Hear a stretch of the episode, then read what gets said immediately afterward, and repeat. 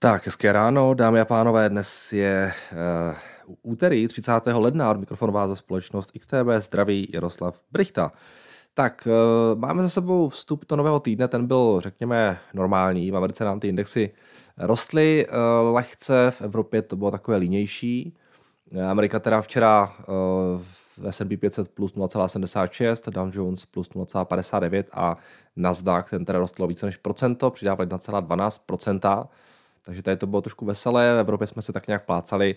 Eh, tenhle ten týden je super zajímavý na nově příchozí makro i fundamenty, ten včerejšek byl takový chudší, teď se to začne trošku více rozjíždět, takže uvidíme, eh, co přinesou ty nadcházející dny. Eh, když se podíváme na S&P 500 sektorově, tak včera to bylo taky relativně klidné. Měli jsme tam v podstatě pouze ten consumer discretionary sektor, který dostal více než procento, žádný ze sektorů nestrácel více než procento a u těch jednotlivých společností potom ty pohyby tady nebyly zase až tak velké. Měli jsme tam třeba Teslu, ta pěkně rostla eh, o 4%. Eh, Katie Wood prý kupovala nějaké nové akcie, tak třeba taky trošku pozbudilo. Ale jinak eh, ty zisky nebyly zase tak velké, nejvíce rostly o 5,5%, ten Archer Daniel Midland, to je ten ticker ADM, vzpomenete si určitě z minulého týdne, jak se propadli o těch 25% nebo kolik, Eh, každopádně teďka jejich CEO, oni se propadli, protože vyhodili CFO a jo, byly tam nějaké spekulace s tím účetnictvím, že tam něco nemusí, nemusí být v pořádku, ale pozdrželi zveřejnění výsledku za čtvrtý kvartál. Každopádně teďka CEO uvedl, že to vyšetřování se prý má týkat nějaké oblasti tržeb, která není prostě nějak úplně konsekvenční a že by ten dopad na uh, ty celkové výsledky neměl být úplně materiální. Takže včera růst do 5,5% a uvidíme, co bude dál. Uh, každopádně pořád jsou nějaký 20% minus proti tomu, kde byli předtím, než to CFO uh, eh, vyhodili. Pak Carnival Corp má nějaký 4,5% plus Illumina taky přes 4%, Tesla a Builders First Source ještě taky přidávali přes 4%. Největší ztráty včera v podstatě nic. HPčko minus 2,5%, to to se skoro ani nepočítá, to je, to je opravdu velmi malý pohyb. Takže včera takové klidnější, uvidíme, jak to bude vypadat dneska. Jinak eh, z korporátu, co stálo za pozornost, tak určitě eh, výsledky SoFi. Eh, já tak jako sleduju tu banku, protože je to docela zajímavá, zajímavá záležitost, hodně oblíbený titul. Já jsem tak proletěl ta čísla. A ta akcie v reakci na ty výsledky reagovala růstem o nějaký 20%. Samozřejmě ta story je tam pořád jako hodně stejná. Ta banka samozřejmě roste roste pěkně na tržbách, vlastně eh, ten růst je o nějakých eh, jo, 34%, rostou jim ty, eh, ty noví klienti, rostou jim objemy úvěrů a tak dále. Což je ale pořád story, jo, jako oni se změnili na tu banku, měli hodně kapitálu, tak začali ten kapitál trošičku více jako nechat pracovat. Jo. Takže um, to je pořád stejná story. Jo. Uh, co bylo, možná tam bylo nějaké překonání koncesu, to nevím úplně přesně. Um, co bylo jako relativně pozitivní, hezký titulek, tak to bylo, že byli poprvé gap profitable, OK. Uh, taky jim uh, rostou ty uh, origination volumes, uh, což je mimo jiné docela dobrá zpráva nejenom pro SoFi, ale podle mého názoru pro celý ten segment těchto těch jako bank, které se živí tím přeprodejem půjček a taky těch nebankovních institucí, fintechů a tak dále, jako třeba Upstart, uvidíme, jak budou ty jejich výsledky vypadat. Uh, takže to origination volume roste nějak 45% na SoFi, i když teda bylo nižší celkově, než bylo v, tom, v té Q3. Uh, takže tohle všechno bylo, bylo dobré. Um, ale když se podívám na ta čísla, tak jako pořád jako ten důvod, proč by měly být něco více než banka, tak tam prostě trošku chybí, protože když se mrtneme na ty jejich non-interest income, což je to gro toho, toho fintechového biznesu v podstatě, Eh, nebo by mělo být, tak to je jako pořád flat. Jo.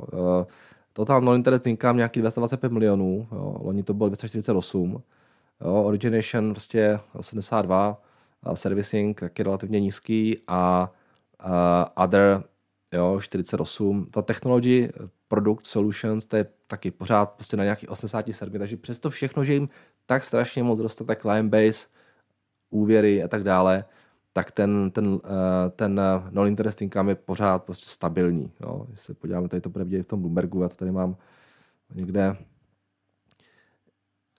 Já jsem toho názoru, že pokud by si ta banka měla zasloužit nějaký jako vyšší multiple, tak by to mělo být především eh, díky růstu tady tohoto segmentu, který ale prostě, jo, uvidíme, jak bude v těch dalších kvartálech se vyvíjet. Neříkám, že se to nemůže začít jako zvyšovat a to bylo určitě pozitivní, ale to sakra mám. Jo, tady ten adjusted total non-interest income, když se podíváte ty kvartály, tak uh, prostě to nikam nejde. Jo? Přestože třeba ten net interest income, ten jim roste krásně, ale říkám, to je uh, o tom, o tom, hodně o tom leverage. Prostě, no.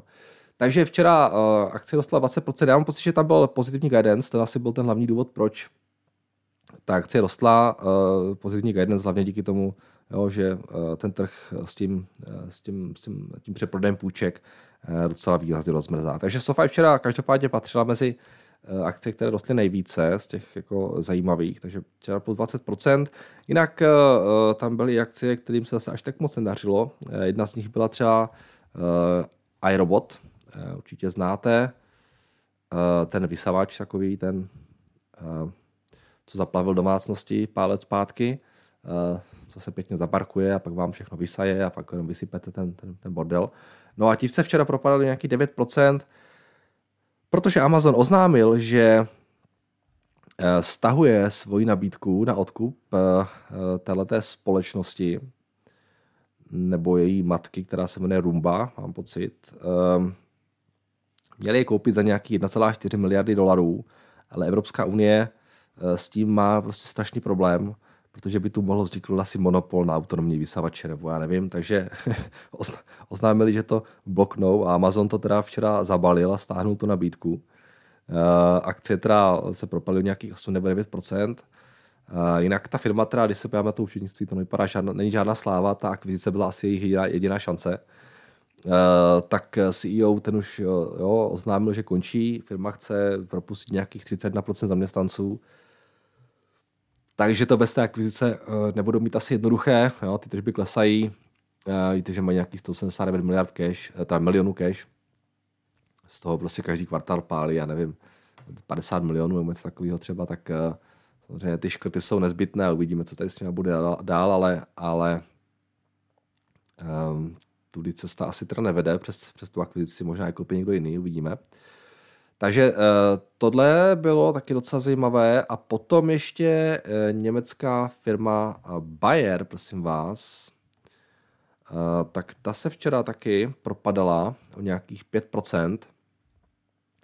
A to bylo pro změnu kvůli této zprávě, protože ten 5% pád byl reakcí na rozhodnutí soudu ve Filadelfii, který společnosti nařídil zaplatit 2,5 eh, miliardy dolarů v souvislosti s tím jejich Roundup skandálem. Eh, to by asi nebylo ještě nic úplně tak zvláštního, ale co mě teda zarazilo, musím říct, tak představte si, že těch 2,5 miliardy dolarů musí Bayer zaplatit jednomu jedinému člověku, jo, který dostal, tuším, eh, leukémii.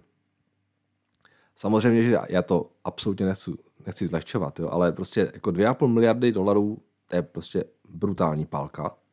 A uh, Bayer se určitě odvolá, ale vemte si, že oni dali stranou na řešení všech tady těch sporů a tak dále. Já, já nevím, kolik přesně, myslím, že to bylo něco mezi 10 a 20 miliardami dolarů. A to měly být peníze, které vlastně jakoby uspokojí jo, ty požadavky vlastně všech. Jo. A teďka jim prostě soud ve Philadelphia napaří 2,5 miliardy za jeden jediný případ. A oni těch případů mají asi 150 tisíc. Takže jo, tam určitě samozřejmě budou nějaké hromadné urovnání a tak dále, už tam určitě nějaké byry, já tomu přesně nerozumím, nevím, jak se tyhle ty velké soudy řeší, ale už jenom to, že soud může napařit 2,5 miliardy za jediný jediný případ, tak samozřejmě jo, ta, to pořád jako vykazuje spoustu otazníků ještě, jo, co s nima bude dál, jak to bude dál s těma těma sporama vypadat, protože stačí, já nevím, 8 nebo 9 takovýchhle případů, a pokud by to fakt museli zaplatit a celý, ten, celý ty prachy, co dali stranou, jsou pryč. Jako. Takže tohle bylo docela, docela zajímavé. Jsem fakt jako netušil, že až do takových eh, jako výšin se ty, ty, eh, ty škody můžou vyšplhat u těch jednotlivých případů. Uh, oni za to Monsanto zaplatili snad 60 miliard dolarů. Tohle možná byla asi ta nejhorší akvizice v dějinách. Jo? Bayer koupil Monsanto, který potom tam měl ten Roundup spory, ty, ty Roundup spory. Takže Uh, Bayer teda letos zase klesá, uh, už jako tak poslušně se vrací tam, kde byl uh, koncem toho minulého roku na ty, na ty low a navazuje na ten výprdej z toho minulého roku a uvidíme, kam až se to dostane. No. Tak uh, ta akcie se nezdá být nějak jako úplně asi drahá. schválně, jo, když se pojďám na ty, na ty roční výsledky, ty roční, No i když oni tam mají spoustu toho dluhu, no, tak těžko říct. Na tom, na tom market capu to asi není úplně hrozné, ale když si, když si vezmete k tomu ještě ten dluh obrovský, to je 70 miliardách IVčko, firma, která dělá 5 miliard, no, se všemi těmi riziky, které tam jsou, ještě s těmi soudními spory, nevím, no, tak asi to není úplně nějak ještě super, super levné. Těžko říct. Takže Bayer taky eh, včera žádná, žádná legrace. No a potom samozřejmě dnes ráno pokračuje výprodej, výprodej v Číně. Ta teda potom pokusu o růst z minulého týdne tak jako zase taky ztrácí. Dnes ráno teda Hang Seng nějaký minus 2%. A uvidíme, kdy se to tady zastaví. Eh, včera se samozřejmě řešila situace hodně to Evergrande, protože čínský developer Evergrande dostal včera od hongkongského soudu nařízení o likvidaci po několika neúspěšných jednáních s věřiteli. Eh, ta likvidace bude sama o sobě docela zajímavým procesem, který určitě otestuje, jak snadno anebo nesnadno se budou moci zahraniční, investi- eh, zahraniční věřitelé domáhat svých práv. Evergrande nyní bude muset vlastně odprodat svůj majetek a uspokojit tak věřitele, ale kdo ví, jak to všechno bude probíhat, protože co jsem četl na Bloombergu, tak to rozhodnutí o insolvenci nebo o té likvidaci teda a následné procesy s tím spojené nemusí být zcela uznány na té pevninské Číně, protože tohle byl teda hongkongský soud a jak to bude probíhat na té pevninské Číně, to jako, jo, nikdo moc neví, protože ten soud tam nemá úplně jako 100% autoritu. A jo, ty offshore a onshore aktiva, vlastně tam tak můžou být vypořádána podle různých pravidel a celý ten proces vlastně může být trošku messy, jo, že třeba ten, ten, jo, ta pevnická Čína může upřednostňovat ty odběratele, jo, to Evergrandu a tak dále před těmi věřiteli prostě nějak, jo, těžko říct, jak to bude probíhat. Uh, investory se asi hodně dozví, jak to tam mají s tou vymahatelností práv. A tak nějak bych jako si typu, že to nebude úplně největší pecka. Jo. A samozřejmě pak je tam ještě to riziko, jo, pokud Evergrande začne prodávat masivně nějaké své vlastně aktiva, nějaké ty své baráky a projekty, tak jaký to vlastně bude mít celý ten dopad na ten trh s nemovitostmi, který pořád je docela dost těžce zkoušený. Jo. Takže uvidíme, co se tady bude v tomto směru odehrávat. Samozřejmě Evergrande už krachlo, já nevím, jak tři roky zpátky, nebo to bylo, ale teď to celé dojíždí. No a teď se teda asi budou muset zbavovat těch aktiv, takže uvidíme, co se tady v tomto bude odehrávat. Takže tohle byla taky včera docela story a uh, jo, ty akcie nějak se jim prostě nechce, nechce se jim růst, přestože už ta valuace vypadá už dlouho, ale docela, docela pěkně. Takže tohle jsem chtěl ještě zmínit. No, co se týče dneška, tak uh, z těch zajímavějších věcí tam máme uh, v makrokalendáři výsledky CPI z eurozóny, mám tam Španělsko, Itálii, teda kecám, Španělsko je CPI a potom Itálie a Německo je HDP, takže eh, tohle bude z Evropy. Eh, ze Spojených států tam máme S&P, Case Index cen nemovitostí, máme tam spotřebitelskou důvěru a máme tam JOLTS report, takže eh, tohle je zajímavé makro a pokud jde o korporátní data, tak dnes už se to tam začne pěkně kupit. Máme tam před otevřením burs Pfizer, což je taky teda jako těžce zkoušená akcie.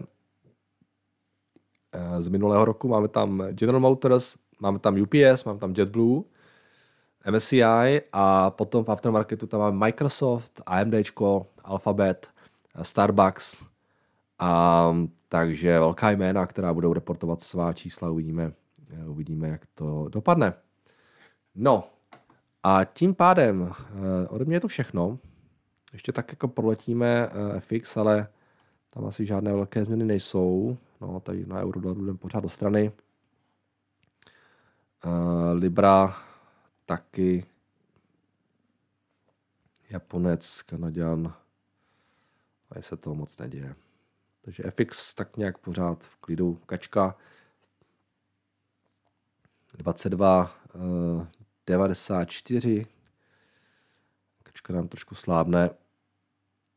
24,80 na, na euru, zlato nějaký 2030, tady se nic nemění, ropa 77 a ještě ta Bitcoin nějaký 43. Ten se trošku zvedá, Bitcoin, tak uh, uh, přece jenom naděje existuje, že to ETF by mohlo trošku pomoct. A, aspoň dlouhodobě. A tady to Ethereum 2300. Dobrý, ode mě to všechno a pojďme se podívat na vaše dotazy. Tak, uh, začneme tady. Dobré ráno, mohl byste prosím, mohl bych se prosím zeptat, co přesně znamená to bitcoinové ETF. Přeci když si budu chtít koupit bitcoin, tak si ho koupím přes Coinbase nebo něco takového a budu ho vlastnit. Eh, když bych si ho koupil přes ETF, tak ho nevlastním a ještě platím poplatky firmě, která ho koupí za mě. Eh, takhle to chápu já, ale je to asi nesmysl, proděl byste prosím. Eh, chápete to správně, ale ta výhoda v podstatě spočívá v tom, že tam můžou být nějak jako jinak ošetřené daně. Když si to vezmete, v Česku třeba, tak všude, všude to samozřejmě trošku jinak, ale v Česku byste po třech letech byl daňově osvobozen od toho držení bitcoinu, což by se vám nestalo u klasického bitcoinu. Takže určitě tam budou nějaké daňové výhody a hlavně uh, ta výhoda je taky v tom, že uh, zatímco do bitcoinu nemůžou investovat nějaké instituce třeba, tak spousta institucionálních investorů jo, a i za své třeba klienty, tak může držet v portfoliu ETF na Bitcoin. Takže se tím prostě otevírá nějaký nový potenciální trh i takových těch jako tradičnějších investorů, tak uvidíme, jak to Bitcoinu pomůže. Tak, hezký den, Nardo. V poslední době jsem narazil na společnost Mara, eh, která se zabývá těžbou kryptoměn se zaměřením na blockchainový ekosystém a vytváření digitálních aktiv. Založená v roce 2010 Las Vegas. Na akcích jsou aktuálně dost velké objemy. Zajímá mě, zda byste kouknul do terminálu, řekl mi, zde je společnost finančně zdravá, díky, hezký den. Já nevím, co je to zač, takže těžko to jakkoliv komentovat. Škoda, že jste nám trošku víc nepředstavil, v čem ten biznis jako spočívá, nebo aspoň něco o tom. A jsem se nikdy těma, těma firmám moc nezabýval, musím říct. Uh, Marathon Digital říkáte, nějaký těžář, tam budou asi specifická rizika no, z ceny elektřiny a hlavně samozřejmě vývoj to, těch kryptoměn a plus možná ještě, já nevím, co všechno, mají nějaký půjčky, vidím. Um, Uh, tak loni teda, loni teda byli ve ztrátě nějakých 350 milionů dolarů uh, free cash flow, teda cash burn půl miliardy. Um, jo, v těch peněz moc nemají, uh, cash burn tam je pořád, takže já nevím, no asi by potřebovali, aby krypto, krypto hodně rychle vyrostlo. Ještě teda víc, nebo no, to, to, ten koncenzus tady je, že nějaký net, net tam bude, ale pořád budou mít nějaký cash burn, asi pravdě se si kupují nějaké ty minery. Ale nevím, já tohle, tomu zase tak moc nerozumím, takže um, tohle. Si říkám, jako když bych chtěl investovat do krypta, tak uh, prostě budu investovat do toho krypta a určitě nebudu kupovat nějaké těžaře. Prostě. Um, tam jako na, na sebe balíte ještě další riziko. Samozřejmě asi nějakou páku získáváte, ale uh, to už bych radši možná využil čistou páku na krypto, než, než přes ty těžeře. Tak, zdravím Jardo a zdravím také komunitu. Zajímalo by mě váš pohled na akcie společnosti Enovix. E, něco k ním. Enovix je společnost, která e, je zaměřená na výrobu litium-iontových a nově i křemíkových baterií které mají velkou budoucnost, jelikož mohou eh, nabídnout 50%, o 50% větší kapacitu, rychlejší nabíjení a to při stejné velikosti jako současné litové baterie.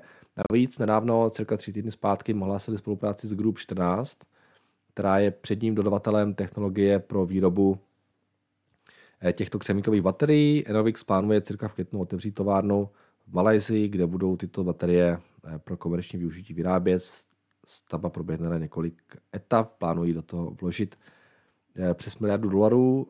První výrobní linka by měla při plné kapacitě vyrábět 9 až 12 milionů baterií ročně, plánují 4. Eh, s využitím se počítá pro chytré telefony, hodinky, notebooky nebo i pro elektromobily. Co se čísel týče, tak plánují už letos začít generovat zisk. To však bude záviset na tom, jak se podaří rozjet výrobu v Malajzii. Proč Enovix? Věříme jejich biznesu, Eh, jejich, jelikož křemikové baterie mají podle mě budoucnost, očekává se, že brzy nahradí současné litium-iontové baterie. Co však důležité, Enovix by mohl být předním výrobcem těchto baterií. OK. Uh, tady vám tezi nejsem schopen ani nějak potvrdit, ani nějak rozbít, protože já vůbec nevím nic o křemikových bateriích. Uh, nevím, jak moc je to reálné, nebo, jo, prostě, takže tohle bude hodně teze o důvěře v nějakou technologii a v její budoucí implementaci, což uh, nic proti, uh, může být, ale já bohužel to moc nevím. A, ale firma nemá žádné tržby, nic, takže těžko tady cokoliv komentovat. A co bude, až to postaví tu fabriku, jo, jak to budou schopni provozovat. Tam je spousta jako, otazníků samozřejmě. I kdyby ta technologie byla úspěšná, tak ještě neznamená, že ta firma to bude tím správným operátorem pro tu, jo, nevím, jestli třeba ještě nějaké další firmy do toho nejdou, nebo prostě těžko říct, jo.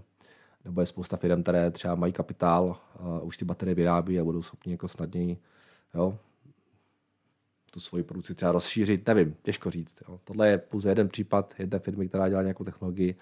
Otázkou, jak, jak tomu budou přistupovat ostatně, jestli vůbec ta technologie bude opravdu uh, tak problémová, takže uh, ale tady není co komentovat. Jo. A, takže tady vám bohužel moc nepomůžu, je mi líto. Tak, uh, ještě nějaké komenty k té Sofy, Evergrande vidím. Tesla je pořád drahá, PI přes 40, i kdyby klesla na 80 dolarů, pořád bude drahá. No, jako možná máte pravdu, možná ne. Samozřejmě je hodně, hodně um, jako um, problematické vždycky hodnotit firmu na základě nějakého finančního ukazatele. Jo? Uh, takže pokud ta ziskovost začne jako proces růst, což spousta lidí tvrdí u Tesly, eh, tak se může ukázat Tesla jako stále velmi, jako velmi levná. Jo? Vy třeba Nvidia. Jo? Tak kdybyste hodnotil Nvidia prostě uh, podle multiplu před, před uh, OpenAI jo? a před ChatGPT momentem, tak uh, jako tohle prostě byste nebyl schopen jako vydedukovat nikdy. Jako, takže uvidíme, jestli je Tesla drahá nebo ne. Já to nějak úplně silný názor nemám. Tak, tohle všechno z YouTube, pojďme ještě na mi to dotazy. Uh, mám tam vůbec něco dneska? Nemám, takže to je všechno. Takže děkuji za vaše dotazy, pište dál a my se uslyšíme opět zítra. Mějte se krásně a naslyšenou.